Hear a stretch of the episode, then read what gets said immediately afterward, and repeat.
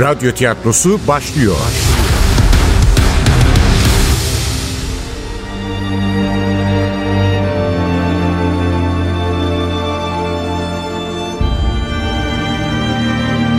Aşkımız eski bir roman.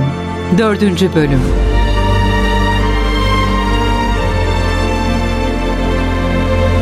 Eser Ahmet Ümit Seslendirenler Başkomiser Nevzat Nuri Gökaşan Evgenya Funda Kıpçak Ali Umut Tabak Zeynep Dilek Gürel Zihni Bey Hakan Vanlı Sekreter Asuman Burnak Efektör Cengiz Saran Ses Teknisini Berk Torun Yönetmen Yusuf Canlı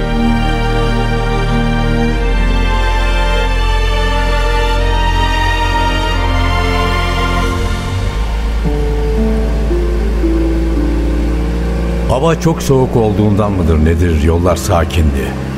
Sadece Kurtuluş Caddesi'nde takıldım biraz.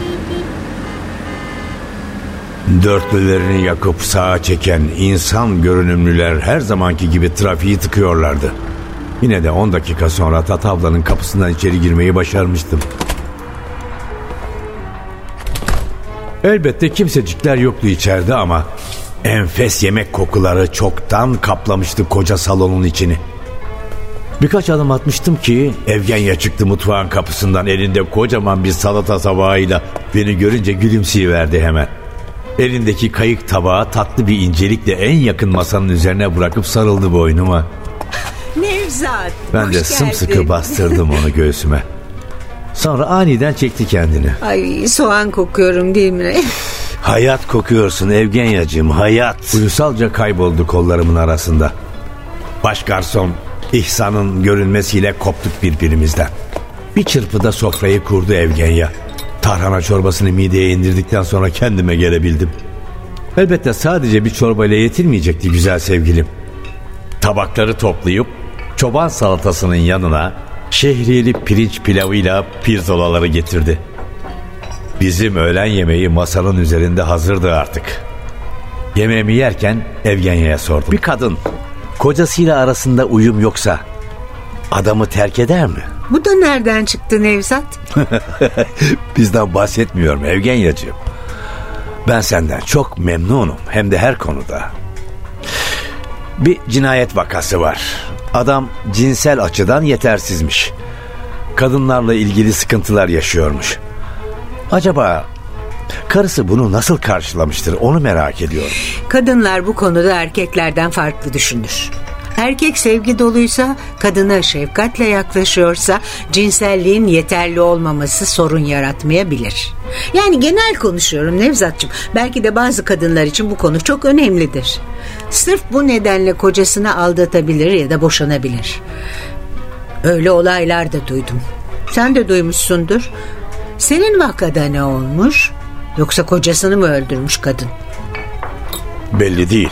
Anlamaya çalışıyoruz. Aklını kadın roman kahramanlarıyla bozmuş bir adam var.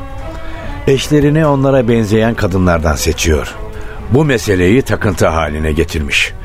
Kadınların isimlerine kadar seçici davranıyor. Ama onlarla da mutlu olamıyor. İşte ilk kez böyle bir kurbanla karşılaşıyorum.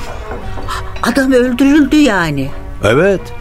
Hem de Agatha Christie kılığındaki bir kadın tarafından. Agatha Christie'yi nereden bulmuş? Bilmiyorum ki. Belki kız arkadaşıydı. Öyle giyin, öyle makyaj yap dedi. Kadın da eğlenceli olur diye düşündü. Sanmıyorum Nevzat. Para için yapmıştır kadın. Kendine saygısı olan hiçbir kadın erkeğinin ilgisini çekmek için ünlü biri de olsa hatta ölü biri de olsa başka bir kadının kılığına girmez. Yani bence girmez. Bu kendine hakarettir, kendini aşağılamaktır. Adama ben aslında bir hiçim. Senin zevkin için başka birine de dönüşürüm demektir. Zaten hiçbir erkek de saygı duymaz öyle bir kadına. Şehvet için birkaç saatlik zevk için vakit geçirir ama asla saygı duymaz. Öyle değil mi? İnsan tuhaf bir mahluktu. Erkekler de en az kadınlar kadar karmaşık olabilirdi. Ama sonuçta Evgenya ile aynı fikirdeydim. Ee, hadi ama pirzolalar soğudu. Adam kurban diyorum. O da başka birinin kılığına girmiş miydi? Mesela kimin? Mesela Alfred Hitchcock. İkisi de kendi kimliklerinden kurtulmak istemişlerse diyorum. O zaman durum değişir. Kadın da kabul edebilir bunu. Aksi takdirde olmaz. Yok. Nevzat bence kendine saygısı olan hiçbir kadın bunu yapmaz. Evet Zeynep'ciğim. Seni dinliyorum. Ak merkezdeki güvenlik kameralarına baktım başkomiserim. Katil gerçekten de profesyonel biri olmalı. Evet ak merkezden çıkıyor ama oraya nereden girdiğini bulamadım. Şimdi Ulus'taki caddenin kameralarına bakacağım. Ama dediğim gibi kadın bir tetikçi olabilir. Anladım Zeynep. Tamam sen merkeze dön. Şu bizim ressama Agatha Christie makyajının arkasındaki kadının yüzünü çizdirmeye çalış. Biz de Ali ile geliriz birkaç saate Selam kadar. söyle, selam söyle. Ha bu arada e, Evgenya'nın sana çok selamı var Zeynep. Siz de çok selam söyleyin başkomiserim. Ne zamandır bir araya gelmedik. Özledim valla. Azez de burnumda tütüyor. Olur söylerim. Hadi merkezde görüşmek üzere. o da sana selam söylüyor. Bir ara çağıralım çocukları bir yemek yiyelim. Aziz'i sorup duruyorlar. Sahi nerede o? Nerede olacak Nevzat anaokulunda? Dün akşam seni soruyordu. Nevzat baba ne zaman gelecek diye. Yarın akşam gelir sende kalırım. Ben de çok özledim kızımı. Şöyle bir baktı Evgenya ama üstelemedi. Birlikte yaşamak için hazır olmadığımı o da hissediyordu. Yeteri kadar sabırlıydı da. Yine de zaman zaman dayanamayıp söyleniyordu işte. E o kadar da olacaktı.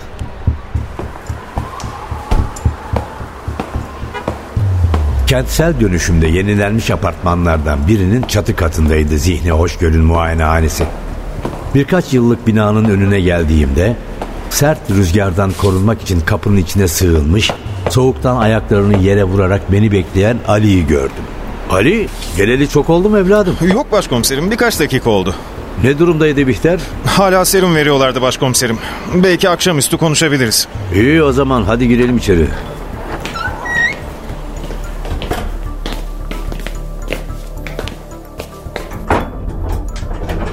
Ancak üç kişinin sığabileceği dar bir asansörle çıktık yukarı. Bütün çatı katını kendine ayırmıştı Zihni Bey. Kapıyı çaldık, kendiliğinden açıldı. İçeri girdik. Arkasındaki duvarda kocaman bir okyanus resmi olan kısa siyah saçlı, iri ela gözlü sekreter kız oturduğu masadan zoraki gülümsedi. Buyurun. Randevunuz kaçtaydı? Polis. Zihni Bey ile görüşmemiz lazım. Kim olduğumuzu öğrenen sekreterin iri gözleri endişeyle koyulaştı. Daha fazla soru sormadan telaşla telefonu kaldırdı. İki polis geldi Zihni Bey. Sizinle konuşmak istiyorlarmış. Tabii hemen efendim. Buyurun. Doktor Bey'in odası bu tarafta. Önümüze düşen sekreteri izleyerek loş koridorun sonundaki bal rengi kapıya kadar yürüdük. Kız ardı ardına iki kez vurdu. Sonra tokmağı çevirerek kapıyı açtı, yana çekildi. Buyurun Doktor Bey sizi bekliyor. İçeri girince doktor beyin bizi beklemediğini, muayenehanenin sağ duvarına monte edilmiş akvaryumdaki Japon balıklarını beslediğini gördük.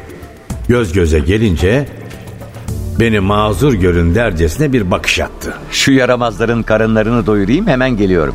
Ha lütfen, lütfen oturun. Rahatınıza bakın. Ali'nin kaşları çatıldı hemen. Ben aldırmadan masanın önündeki koltuklardan birine yerleştim. Dışarıdaki soğuk havayla kıyaslandığında içerisi sıcaktı ama yeterince değil.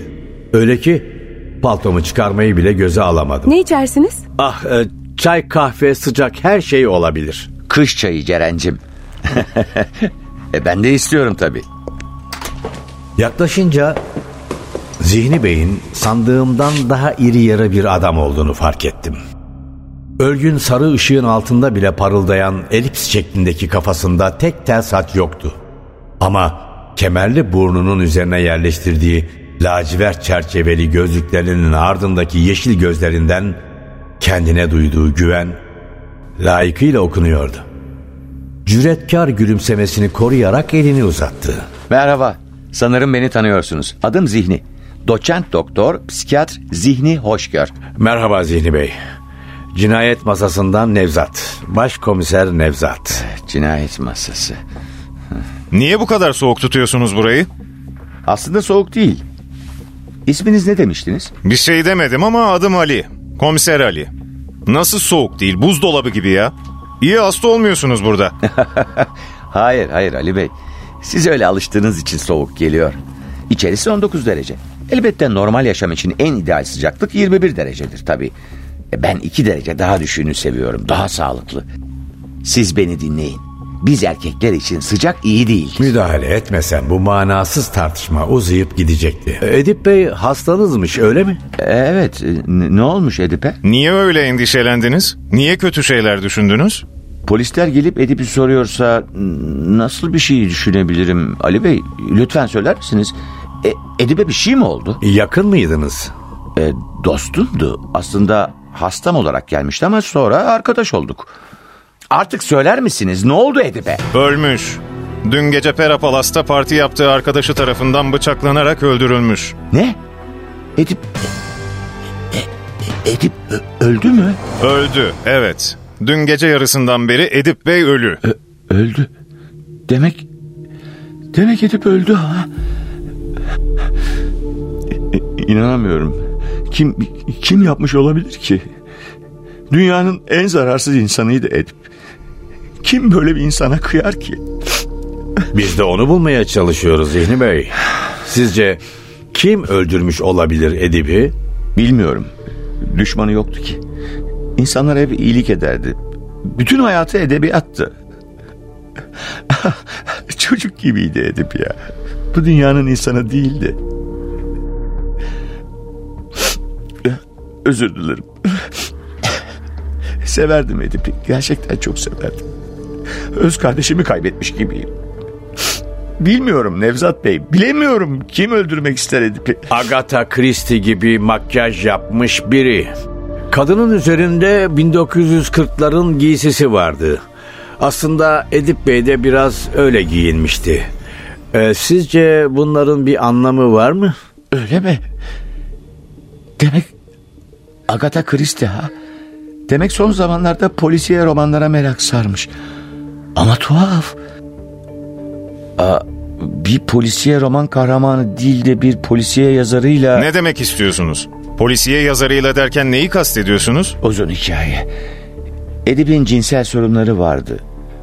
Ee, aslında daha önemli sıkıntıları vardı. Az önce Edip bu dünyanın insanı değildi dedim ya. Gerçekten de değildi. Küçükken annesinin cesedini bulmuş banyoda. Kadıncağız bileklerini kesmiş. İşte o görüntüyle karşılaşmış ve çok kötü olmuş. Böylece gerçek hayattan kaçarak kurgusal hayata yani edebiyata sığınmış. Biliyorum. Feride Hanım anlattı. Hatta sizin de önerinizle eşlerini roman kahramanlarına benzeyen kişilerden seçiyormuş. Sadece eşlerini değil, birlikte olduğu bütün kadınlar roman kahramanlarına benzemek zorundaydı. Ona sıra dışı bu tedaviyi önerdim. İyi de siz Edip'i tedavi etmemişsiniz. Aksine hastanızın hakikatle bağının daha çok kopmasına neden olmuşsunuz. Peki bu davranışınız doğru mu? Bakın Nevzat Bey, insan ruhu oldukça karmaşıktır. Biz psikiyatrlar işte bu son derece nazik, anı anını tutmayan, sürekli değişkenlik gösteren malzemeyle uğraşıyoruz. Malzeme mi? İnsan ruhu malzeme mi oldu şimdi? Derin bir depresyona girmişti Edip. Uçurumun eşiğine gelmişti. Hayatın tatsızlığından söz ediyordu. Mutsuzdu. Etrafındaki herkesi de kendisi gibi mutsuz ediyordu. Annesi gibi intihar etmesinden korkuyordum. Öncelikle onu hayata yeniden bağlamak gerekiyordu. Nitekim tedavi sonuç verdi. Elbette bu tedavinin ilk aşamasıydı. Amacım ikinci aşamaya geçerek Bir dakika bir dakika. Şu tedavinin ilk aşamasını biraz daha anlatsana. Feride Hanım da anlatmıştır ama hadi ben de anlatayım. Edip gerçekte değil edebiyatın dünyasında yaşadığı için birlikte olacağı kadının da mutlaka okuduğu bir romanın kahramanına benzemesini istiyordu. Birlikte olacağı kadın makyajından giysilerine kadar konuşmasından davranışına kadar o kahramana benzemeliydi. Nereden bulacaktı ki öyle bir kadını? Siz paradan haber verin Ali Bey. Edip'in de parası bol olduğu için Onun bu hayalini mükemmel bir şekilde gerçekleştirecek bir ajans buldu. Artık tedavinin ikinci aşamasına geçmeliyiz diye ne kadar uyardıysam da beni dinlemedi.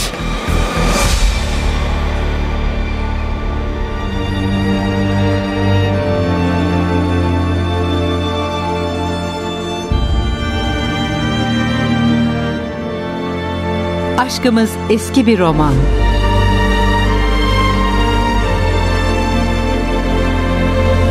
Eser Ahmet Ümit Seslendirenler Başkomiser Nevzat Nuri Gökaşan Evgenya Funda Kıpçak Ali Umut Tabak Zeynep Dilek Gürel Zihni Bey Hakan Vanlı Sekreter Asuman Burnak Efektör Cengiz Saran Ses Teknisini Berk Torun Yönetmen Yusuf Canlı